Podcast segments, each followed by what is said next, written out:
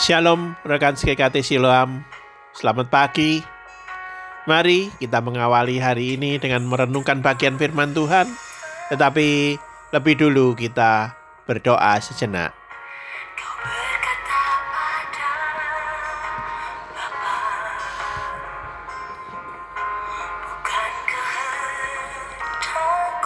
Buanglah segala macam dosa, cikal bakal dosa, ragi dosa semuanya.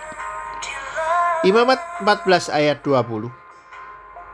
Kemudian imam harus mempersembahkan korban bakaran dan korban sajian di atas mesbah.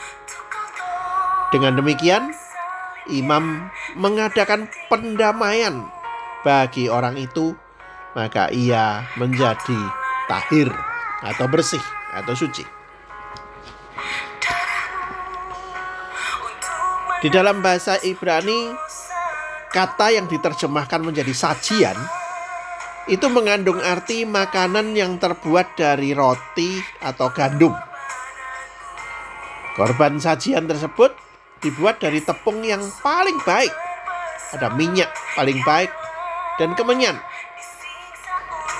imam yang mempersembahkan korban sajian harus mengambil segenggam penuh dari korban sajian itu dan membakarnya di atas mesbah sebagai tanda bahwa semuanya sudah dipersembahkan kepada Tuhan. Sesungguhnya korban sajian itu menggambarkan Kristus. Kristus pernah melukiskan dirinya sebagai bulir gandum di dalam Yohanes 12 ayat 24. Ia juga pernah mengatakan ya roti hidup. Perlu diingat bahwa di Israel di sana itu roti menjadi makanan sehari-hari.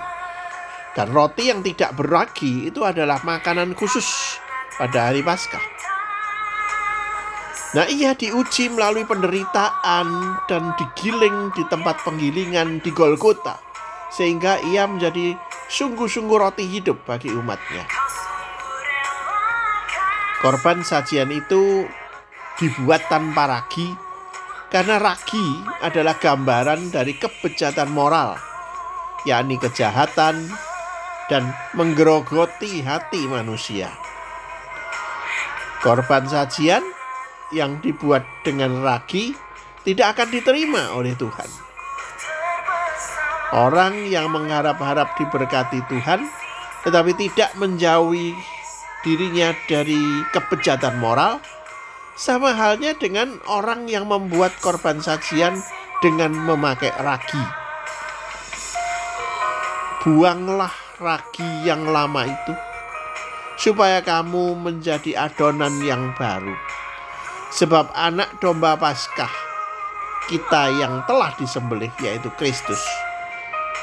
Karena itu, marilah kita berpesta bukan dengan ragi keburukan dan kejahatan, tetapi dengan roti yang tidak beragi yaitu kemurnian dan kebenaran. Itu dalam 1 Korintus 5 ayat 7 dan 8. Mari kita memikirkan hal ini roti tidak beragi melambangkan Kristus. Roti tidak beragi melambangkan kesucian, kebersihan, kemurnian. Mari kita buang segala macam ragi dosa. Kita buang segala cikal bakal dosa. Segala macam yang mengarah kepada dosa. Baik dalam ucapan kita, dalam pikiran kita, dalam rencana kita, dalam hati kita sekalipun. Mari dengan sungguh-sungguh kita mendekat kepada Tuhan dengan hati yang bersih. Nah, bagaimana dengan kita pagi ini? Mari kita beraktivitas dengan hati yang bersih. Tuhan memberkati kita semuanya. Shalom. Selamat pagi.